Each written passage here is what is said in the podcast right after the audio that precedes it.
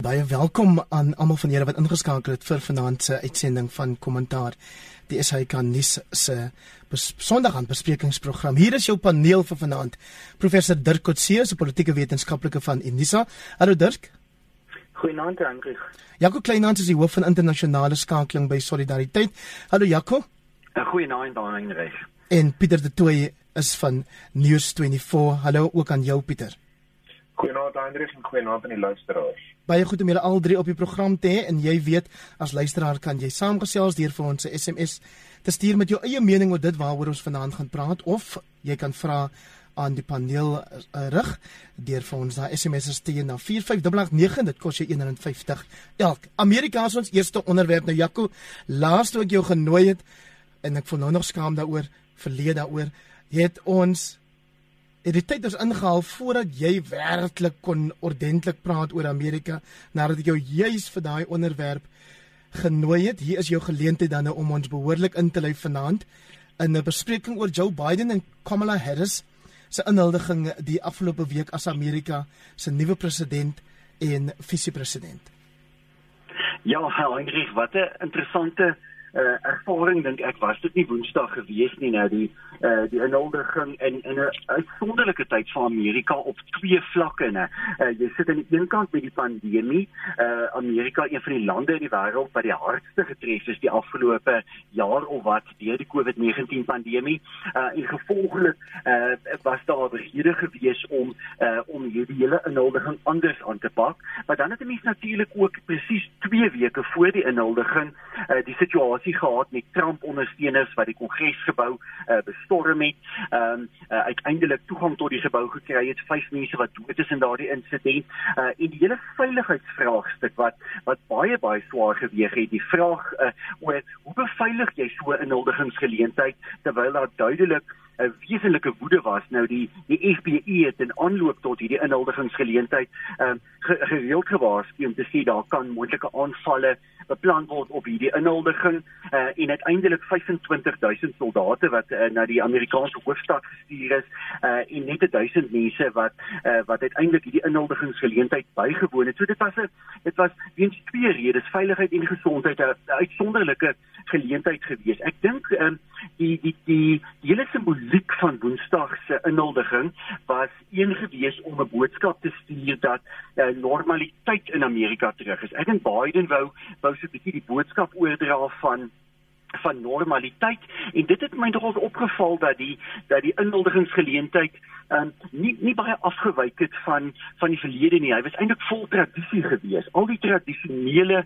um, elemente van so 'n inhuldigingsgeleentheid was teenwoordig gewees um, en de, en dit was eintlik 'n baie baie uh, uh, sterk na binne gefokusde geleentheid om te sê maar Amerika is nog die Amerika van en en dan die verlede en spesifiek vorige inhuldigingsgeleenthede. Maar wat ook opgeval het was dat daar een enkele sentrale boodskap uh, in Biden se inhuldigingstoespraak was en dit is die van van versoening, van om te sê Amerikaners moet saam by mekaar uitkom en hy het eintlik gesê dat dat uh, Amerika eintlik op hierdie tyd sit nie ander keuse het nie. Ehm um, anderste is daar uh, sal die konflik natuurlik kan oorkook en is die situasie baie gevaarlik. So die boodskap was absoluut een van uh, kom ons kom by mekaar waar ons plaas ons verskille agter ons uh, en ons werk saam om die huidige uitdagings in Amerika wat oor gesondheid en veiligheid en ekonomies en so aan gaan uh, om dit aan te spreek. So dit was 'n baie baie um, uh, interessante toespraak wat eintlik een enkele boodskap gehad het. Daar was nie 'n 'n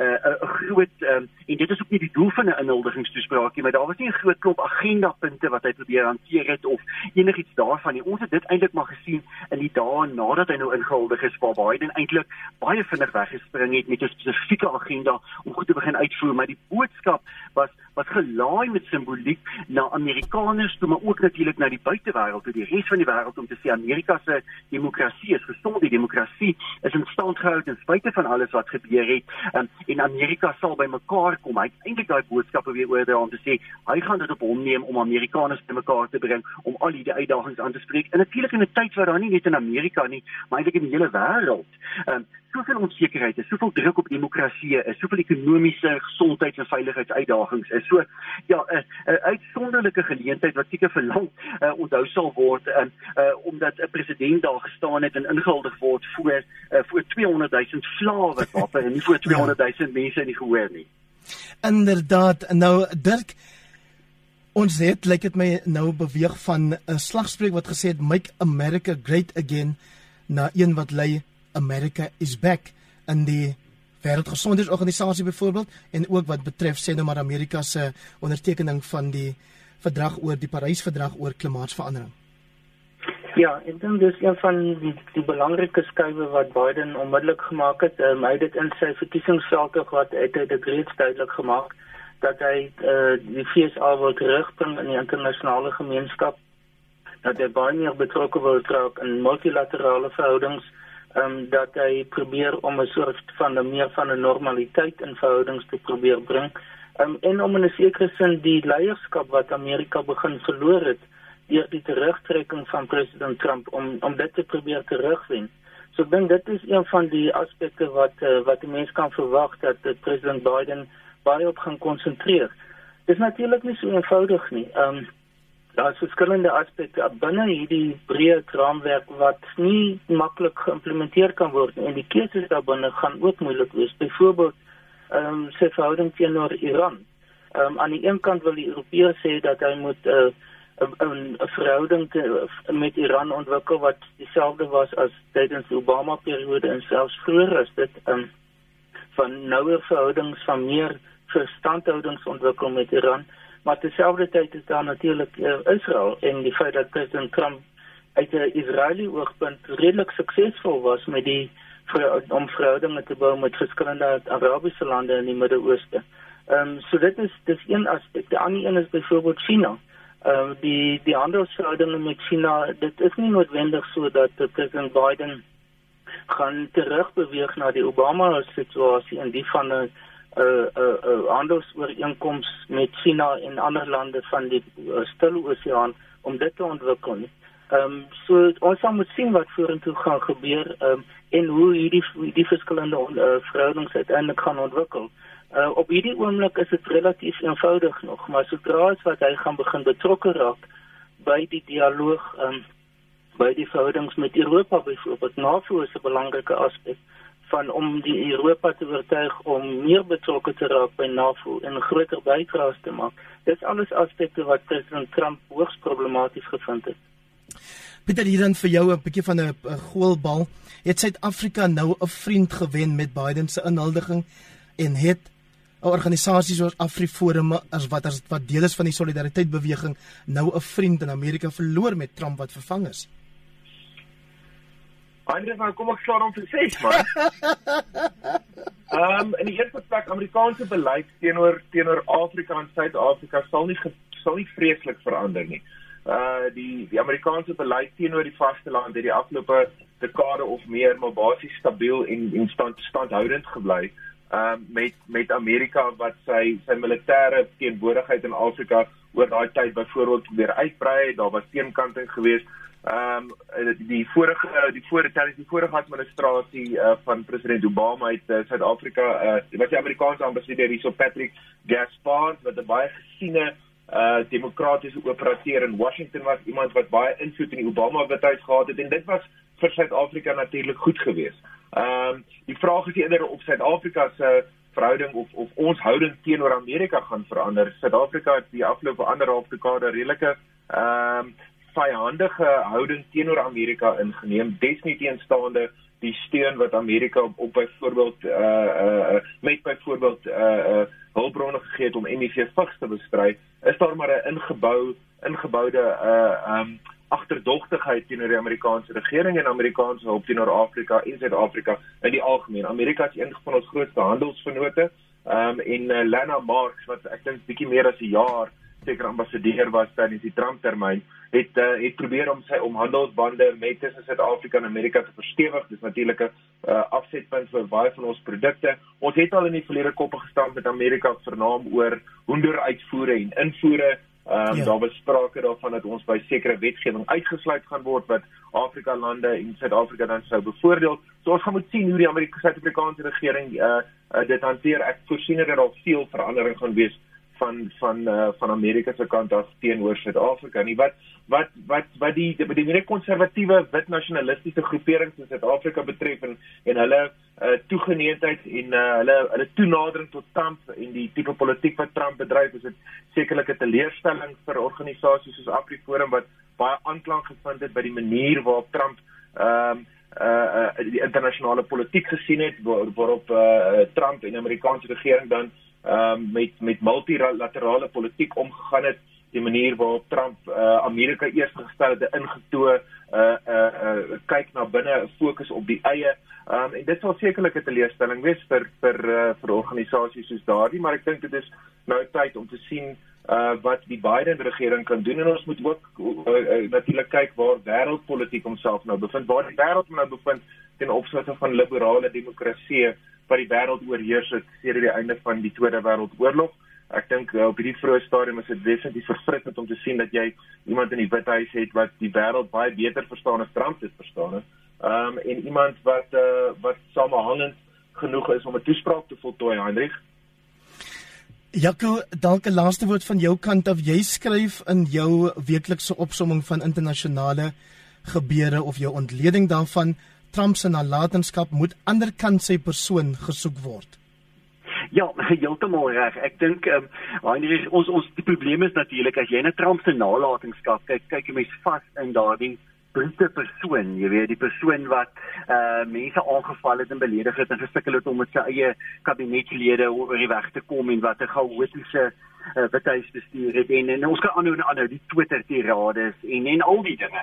Uh, maar as mens by dit verby kyk, is daar natuurlik 'n hele klomp suksesse wat die Trump administrasie wel bereik het. Uh kom ek gee vir jou een voorbeeld, die deregulering van verskillende ekonomiese sektore, uh waar daar onder die Obama administrasie omtrent uh 'n 70 generiese medisyne per jaar goedgekeur is, het dit gestyg na meer as 120 uh, onder die Trump administrasie. Daar was regtig pogings geweest um, om met die regulering um, sekere ekonomiese bedrywe 'n hupstoot te gee. In terme van internasionale beleid dink ek is is is die interessante ding wat ons gaan sien waarskynlik oor die volgende jaar of 2, 3 uh, onder uh, die nuwe president Biden dat daar nie soveel afgewyk gaan word van die Trump beleid uh, as wat mense miskien sou gedink het nie. In terme van China uh of selfs Iran uh definitief ek dink in die Midde-Ooste uh die oortrekking uit oorloë in Sirië, Irak um in Afghanistan uh al hierdie dinge is het het Trump iets los gemaak wat wat daar nie net eenvoudig op uh,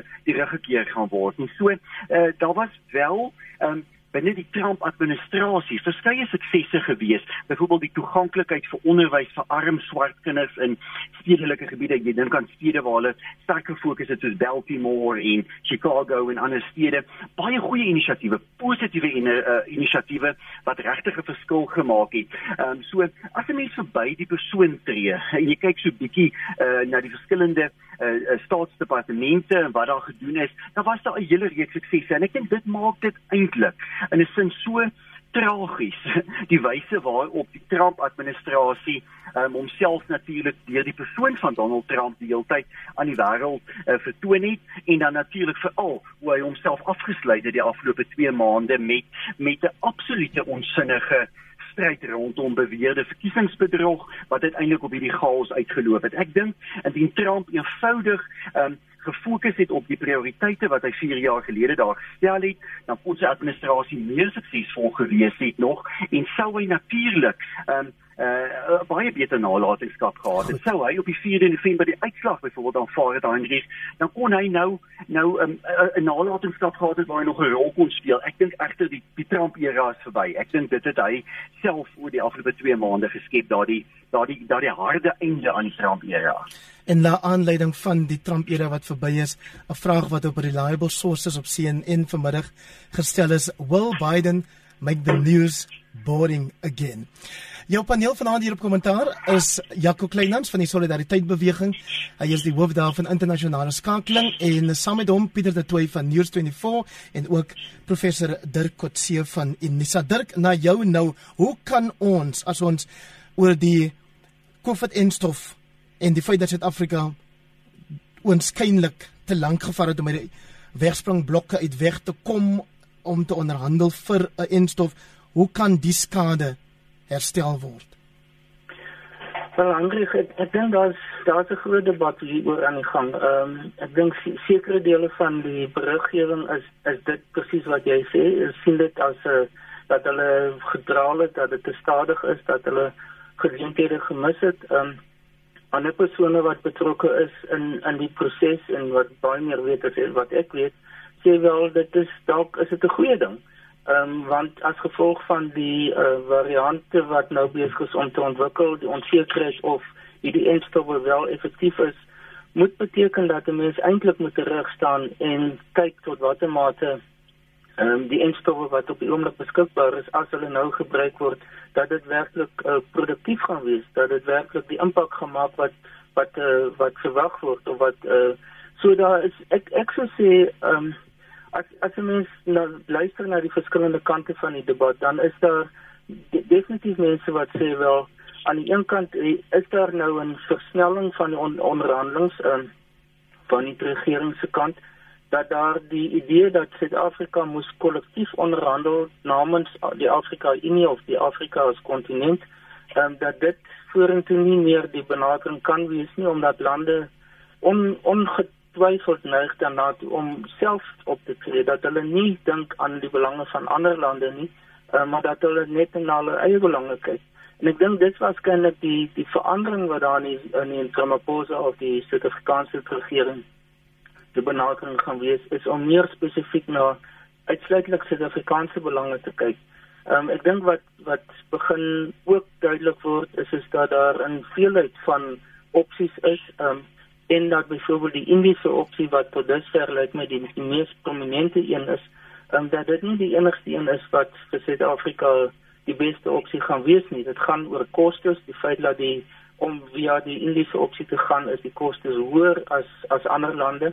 Maar terselfdertyd word gesê die rede hoekom ons meer betaal is omdat ons nie op 'n vroeë stadium beleid in die navorsingsproses nie. Um, ons is nou deel van COVAX, maar ons was nie deel van die die werklike uh, navorsingsproses nie. Som, sommige van die die toetse in Suid-Afrika gedoen, maar dit is nie deel van die die die uh, belegging in in die en daarom moet ons nou meer betaal as ander lande wat dit wel gedoen het. So wat ek eintlik probeer sê deur dit alles is om om een posisie in te neem dink ek is nie noodwendig 'n baie vrugbare een nie um dat die meeste lande uh wat in naaste by dieselfde posisie as ons is het, vers, het verskillende benaderings ook wat hulle volg um die Amerikaners en die Britte en die Russe en die Chinese omdat hulle direk betrokke is by uh, die ontwikkeling van sekere van hierdie entstowwe het 'n baie meer uh eendimensionele benadering as lande wat nie in daardie posisie is nie. En ek dink Suid-Afrika gaan gaan nog vorentoe moet probeer om om hierdie situasie te kan uitsorteer. Men ironies genoeg is 'n klomp die miljoene mense wat in die volgende maand of wat ehm um, die die entstowwe gaan ontvang, gaan in 'n sekere sin eintlik die proefkonyn wees vir ons om te sien tot watter mate daar uh, problematiese neeweffekte is en wat dit werk wat werklik die die die kwaliteit van hierdie enstowwe is. So dat hoewel ons miskien agter in die ry is, kan ons dit later dalk beteken dat ons relatief voor in die ry gaan wees. So dit is hoekom ek ek vir jou nie 'n eenvoudige antwoord kan gee op hierdie punt nie. Wat sou die akkumulatiewe koste daarvan wees of hiervan wees? Pieter, vir die Ramaphosa regering polities gesproke en en wat die hantering van die pandemie in die algemeen aan betref aan die begin is Suid-Afrika geprys vir die leierskap wat ons getoon het met die hantering van die pandemie. Nou sien ek vanmiddag op Nederlandse televisie, dit gaan net oor die Suid-Afrikaanse variant byvoorbeeld. Andries, kom ons, jy weet ek het simpatie vir vir Dirk wat sê dat uh, lande soos Amerika en en, en Brittanje, ryker lande kon 'n kon 'n benadering volg waar hulle verskeie opsies kon najag omdat hulle waarskynlik meer vermoond is. Maar ek dink hierdie regering was amper krimineel nalatig in die manier waar hulle die soeke en die die die die die aankope van 'n enstof bestuur het.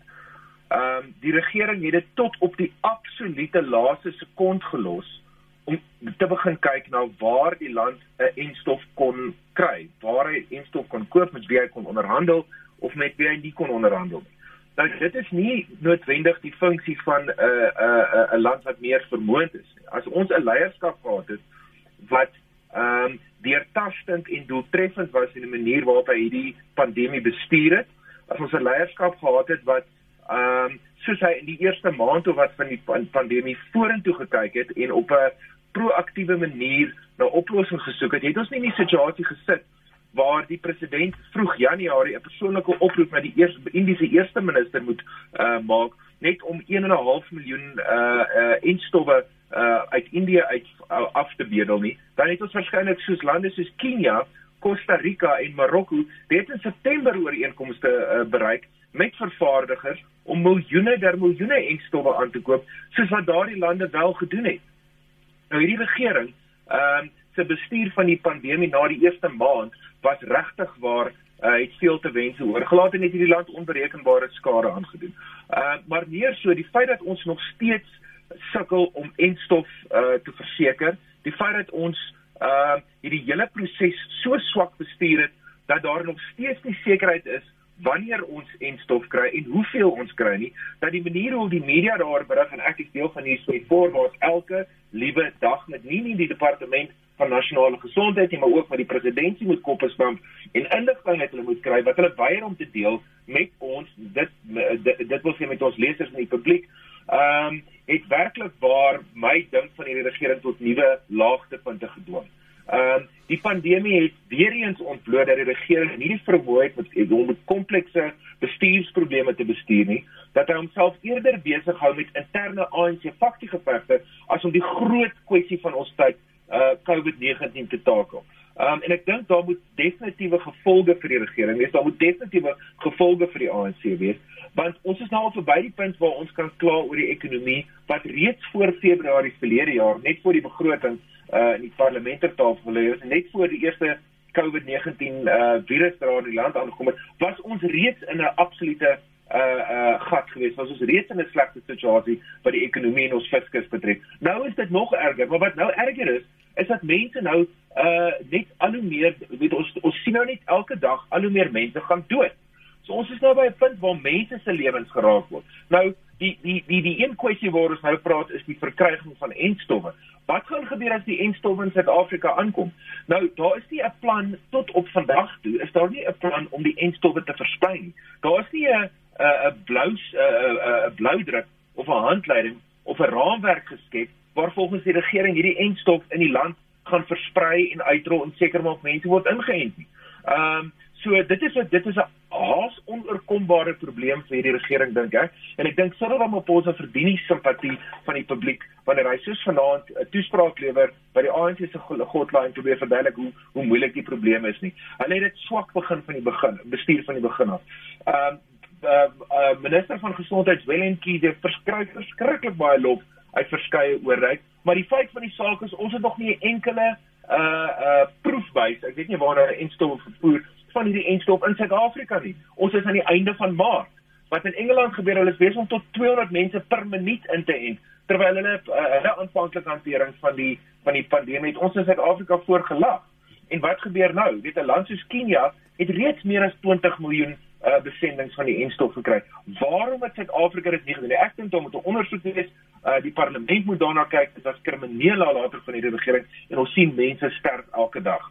Ehm uh, die manier waarop uh, uh, kenners uh, soos professor Shabir Mari en Glenda Gray, uh, professor Alex van Heerden en jy kan hulle by name noem. Die manier hoe hulle uit die proses uitgesluit is, die manier hoe dit oorgelaat word aan die private sektor om nou weer die kastanjes uit die vuur uit te trap wys weer vir ons dat die ANC is nie bevoeg om 'n komplekse land soos hierdie nou te bestuur nie. Of hulle gaan pak slaag kry by die die stembus, hulle het gesê oop vraag. Ons het ons ons ons kan lang gesprekke daaroor om te om te sê of om te probeer ontleed of die ANC in 2019 pak slaag by die stembus gekry het na staatskaping. Ehm uh, gaan dit gebeur by die munisipale verkiesing? Ons weet munisipale verkiesings is kompleks maar definitief die vorige munisipale verkiesing is gestry op uh, op grond van nasionale kwessies. So ek reken verseker COVID gaan 'n rol speel wanneer kiesers stembus toe gaan hierdie jaar.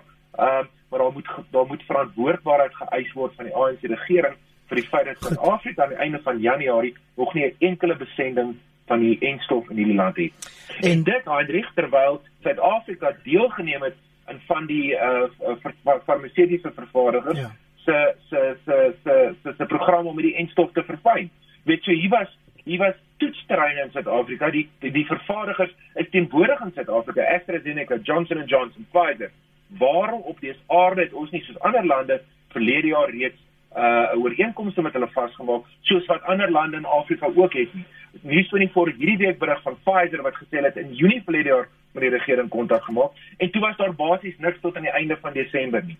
Hoe hoe op dese aarde kan dit kan ons toelaat dit gebeur? Die DA Jaco het verlede maandag het die partyleier John Steenhuisen gesê hulle gee die regering 7 dae om meer inligting te verskaf oor die aankope en verspreidingsplan waarna Pieter verwys en wat ons nog nie onder oë gehad het nie. Maar ek wil hê jy moet asseblief reageer op die feit dat ons die week ook een van ons ministers Jackson Mthembu verloor het aan COVID-19 en dat die Mpumalanga premier Refilwe Mchweni Chipane so waar agtig vandag by sy huldigingsdiens opdaag sonder 'n masker en dat sy amper nie eens bewus was glo daarvan dat sy nie 'n masker gedra het nie.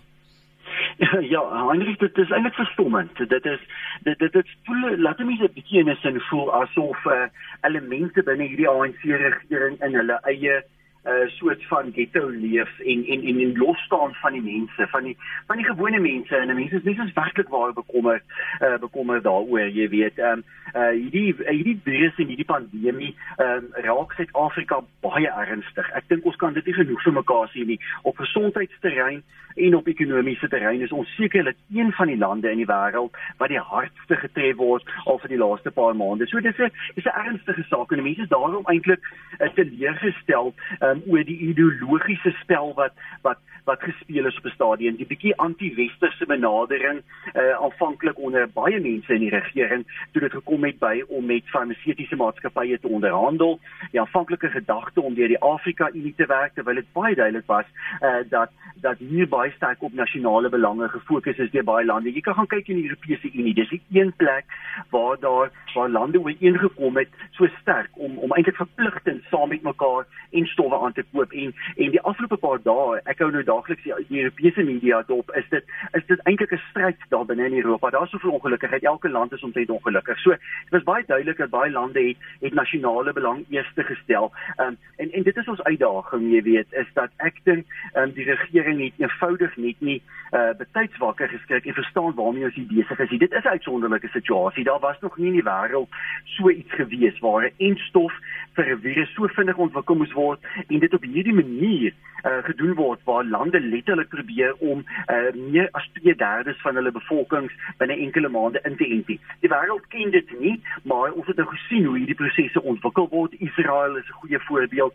Amerika is op die oomblik 'n goeie voorbeeld, um, en en Suid-Afrika is op hierdie stadium 'n slegte voorbeeld. Ons hoop dit kan verander. Ek kry tog die gevoel die afgelope 2-3 weke was daar uh, 'n besef van dringendheid. Um, uh Adrian Gore, die hoof van Discovery is ingebring om te help um adviseer en daar's daar's duidelike bewegings, maar byvoorbeeld die besluit om dat jong president David Mabuza um uh, in 'n in 'n in 'n leiersrol te sit rondom die hantering hiervan. Dit moes hom ook nie vertroue nie want Mabuza het nie die afgelope tyd vertroue ingeboesem nie en dan die dood van uh uh die minister in die presidentskap, Jackson Mthembu hierdie week uh, is eintlik so half die die tragiese uiteinde wat 'n mens amper wil sê kan dit nie dan die regering wakker skrik en hmm. laat skok nê. Hy is maar 62 jaar oud en ek wil vir jou sê, ehm um, Hendrik sekerlik een van die meer bekwame uh ministers in die huidige kabinet, iemand met 'n jarelange rekord.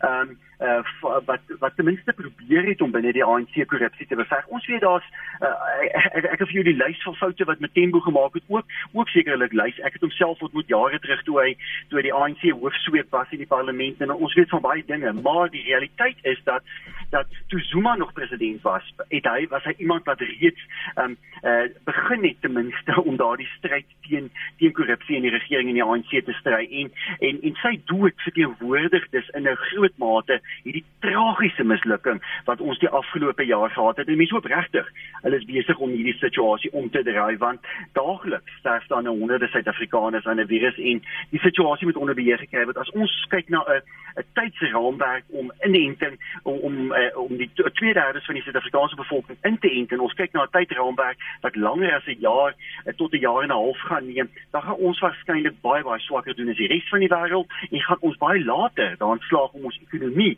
na volle potensiaal uh, terug te kry. Jy verwag iets in Amerika byvoorbeeld um, dat daar 'n uh, uh, soort van um, kudde immuniteit teen die middel van 'n jaar kan ontstaan. In Suid-Afrika gaan dit waarskynlik eers ergens se volgende jaar wees en dit gaan ja. dit gaan sonder twyfel of slegte ekonomiese gevolge inhou. So Dirk as die aanstelling van uh, adjunk president Mabuza as hoof van 'n interministeriële kommissie wat nou moet kyk na ons enstofprogram. Nie vertroue inboesem nie boesem dit wel vertroue by jou in dat die ANC in die Castle Gotla hierdie naweek en ek haal nog gou hierdie Engels uit aan wat nou pas deurgestuur is has placed the defeat of COVID-19 as our overriding and most pressing responsibility for 2021 which requires both an intensive vaccination program alongside the intensification of prevention measures increased screening and testing and the further strengthening of our health system of is dit net 'n klomp Engelse woorde om my tong te laat knoop sonder enige werklike betekenis. Ja. Dan wel Hendrik, as as mens teruggaan na die uh, die verklaring van die 8de Januarie, die die jaarlikse werkdenkingsverklaring van die ANC, was dit ook duidelik dat hulle die die pandemie as die primêre fokus van hulle program vir die res, res van die jaar gestel het. Ehm um, hierdie Logotla is 'n opvolg op daardie 8de Januarie se verslag um, en gaan lei tot die staatsrede ehm um, vroeg volgende uh, maand uh, in in Februarie. Ehm um, so ten minste as het, as dit kom by die dit wat gestel word as amptelik die die oogmerke of die doelwitte van die regering dan dan is dit duidelik dit. En my alles wat almal nou gesê het in in hierdie bespreking is kwalifikasies daarop. Is soos om te sê wel aan die een kant word dit uitgestel as die doelwit, um, maar hoe word dit in die praktyk toegepas? En dit is natuurlik die finale toets gaan wees hoe word dit uh, gaan dit toegepas word. Um, so wat ons in die res van die jaar gaan sien, dink ek gaan bepaal of hierdie werklik iets is wat ons in, in die toekoms weer eens vir die ANC gaan sê wel dit was net woorde of dit is iets wat werklik kom vanuit julle oortuiging in terme van wat die regering moet doen. Ek dink wat mense sien wat en daar was reeds verwysings daarna gewees en ek, ek vermoed dat dit is wat ons vorentoe meer prominent gaan sien is is dat daar 'n groter betrokkenheid van die private sektor en die private mediese sektor gaan wees by by hierdie proses. Ehm um, by byvoorbeeld Diskem en Flix het, het reeds gesê hulle infrastruktuur gaan beskikbaar wees. En ek ek ek dink dat wat ons gaan sien is is dat die private mediese skemas en ander instellings die groot mediese groeperings uh, groepe soos die uh, private hospitale ensovoorts waarskynlik baie prominent gaan word. Ek die indruk wat ek kry is dat hulle agter die skerms werk. Dat hulle nie op die oomblik probeer om die regering se se se leiding te probeer uitdaag nie, maar eerder dit uh, van agter af te ondersteun. So natuurlik hoop ons almal dat dit uiteindelik resultate gaan lewer. Dan ek dink niemand is is is kan dit ehm um, beklem meer beklemtoon dat dit absoluut noodsaaklik is dat hierdie situasie aangespreek moet word en dat dit wat die ANC uitspel uh, dat dit bewaarheid gaan word maar uh, ek dink daar's 'n hoë mate van sinisme wat bestaan by baie mense deur te sê wel die ANC het oor hoeveel jare het hulle hierdie doel wat uitgespel maar baie min is daarvan geïmplementeer uiteindelik So dit gaan 'n groot toets wees vir die ANC definitief. 'n SMS van Forie Lewis van Klerksdorp, hierdie gummy berry juice inspuitings gaan grootskaalse diefstal vir die ANC wees en dan Rowan wat uit Kaapstad uit as ek dit reg het laat weet, uh, gift of the giver of the givers behoort die enstof te versprei. Dit kan net goed wees. Die laaste keer toe die ANC enige aksie getoon het was toe hulle die apartheid regering omver gewerf het. Nog 5 minute oor van ons program. Pieter jy wou praat oor die media ondersoek of die ondersoek wat gedoen is deur uh, afgetrede regter Katie Setswell na integriteit in die nuuskantoor. Maar ek wonder of ek jou eerder kan vra oor die feit dat ons hierdie jaar veronderstel is om plaaslike verkiesings te hou nie? Jy het vroeër verwys na hoe jy reken die ANC behoort eintlik gestraf te word en dis ook iets wat John Steenhuisen maandag in sy uh, um, toespraak gesê het uh jy weet so alles baie duidelik daaroor die DA die verkiesing moet voortgaan. Anders ja, uh, kyk ek dink dit ek dink ons almal sal wil hê dat uh, die plaaslike regeringsverkiesing moet plaasvind, die munisipale verkiesing. Ons het nog nie een verkiesing sedert 1994 op een of wil ons nog nooit 'n verkiesing uitgestel om uh, om een of ander rede nie, maar ons is in in in besonderse uitdagende uh, omstandighede tye die die pandemie soos wat jy nou tereg opgemerk het hierdie ANC gesê moet ons enigste fokus vir die jaar wees en ek stem saam dat dit sou beteken dat die munisipale verkiesing op 'n manier uh, uitgestel moet word na vroeg volgende jaar toe gaan ons met oop uh, gemoede gemoedere daarna moet kyk. Ehm um, ons kan nie toelaat dat die integriteit van ons verkiesingsstelsel uh in gedrang gebring word ehm um, deur iets soos 'n pandemie wat moontlik baie druk op nie net die burgery gaan sit maar ook stelsels en strukture van die onafhanklike verkiesingskommissie om dit te implementeer. En nou die verkiesing verwag ons sal om en by Augustus wees soos wat laas in in 2016 was. So daar is nog 'n hele paar maande sou die regering sy uh sy uh alles agter mekaar kry en genoegsame hoeveelheid mense kan inent en ons kan die die rug van hierdie pandemie uh, aan die einde van die winter breek kan mens miskien dit uitstel tot September Oktober doen. Mens sal wel hê dit moet voortgaan. Dit is belangrik in hierdie demokrasie wat ons steeds ontwikkel wat onder wat onder druk is dat ehm uh, dat die heersers uh, die politieke heersersklas verantwoord verantwoordelik gehou word vir die afgelope 5 jaar wat hulle geregeer het en ek dink in plekke soos Port Elizabeth waar die uh mense van die van van die van Nelson Mandela waar die afgelope paar jaar onder onder soveel stadsregerings gebuk moes gaan wat ja. dan val dan saamgestel word dan is daar 'n nuwe munisipale bestuurder dan is daar 'n kwessie met die burgemeester dat mens mens wil verantwoordbaarheid uit daar Johannesburg en in Pretoria en weg. Inderdaad, ekskuus as ek jou geklink het of ek in die rede val, maar ek wil baie graag vir Dirk en Jaco ook nog 'n laaste woord gee. Julle het elkeen 1 minuut Dirk, jy eers en dan Jaco om te sê of julle dink die verkiesing moet voortgaan en wat julle verwag die uitkomste gaan wees. Wel, eh, van my kant eh, die eerste keuse sal wees dat dit moet voortgaan, maar dit gaan natuurlik soos uh, Pieter sê, dit gaan baie afhang van die gesondheidssituasie. My tweede opsie sal wees is om dit dan uit te stel miskien vir 'n jaar maar nie na 2024 toe wat die voorstel van die ANC of die EFF is nie. Jaco Nou Hendrik, ek ek dink ook die verkiesing moet wel voortgaan. Ek dink dit is regtig noodsaaklik. Ons beleef uh op baie in baie landelike gemeenskappe enorme krisisse met plaaslike bestuur. Ehm um, en en ek dink dit is regtig vir die gemeenskappe uh, noodsaaklik dat dit voortgaan. As ons net kyk oor die afgelope 10 maande of wat, ehm um, hoe met met watter sukses daar reg oor die wêreld wel verkiesings aangebied is. Jy weet ek praat nie net van eerste wêreldlande nie. Ja, daar het verkiesings in Europa en Amerika plaasgevind, maar daar het ook verkiesings uh onlangs in Desember in Ghana plaasgevind wat goed aangebied is. Daar het verkiesings in armer Suid-Amerikaanse selfs Midde-Oosterse lande plaasgevind wat goed aangebied is. 'n Mens kan uh uh net die virus en die verspreiding van die virus en bekommernis daaroor steeds 'n goeie verkiesing aanbied en die Suid-Afrikaanse verkiesingskommissie um uh het het redelike vermoëns. Ons ons weet daarvan dit is nie uh hulle is regtig goed georganiseer. Dit is nog een van die sterker instellings in Suid-Afrika. So ek dink daar's 'n groot behoefte uh dat dit wel moet voortgaan gaan. Die vraag is natuurlik, uh jy weet wat wat kan die uitkoms van so iets wees? En die probleem daar is natuurlik die geweldige versplintering van oppositiepartye, uh die feit dat oppositiepartye baie oppositiepartye te relatief swak is dat daar nie samewerking tussen hulle is nie.